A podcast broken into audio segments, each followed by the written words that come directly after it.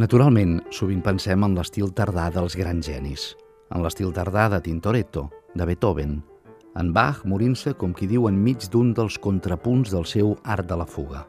o en l'estil tardà dels grans períodes de l'art, en la decadència de Roma i la imatgeria cristiana primitiva, o en el manierisme en relació amb el Renaixement, o en les òperes d'Strauss en relació amb les de Mozart o Wagner.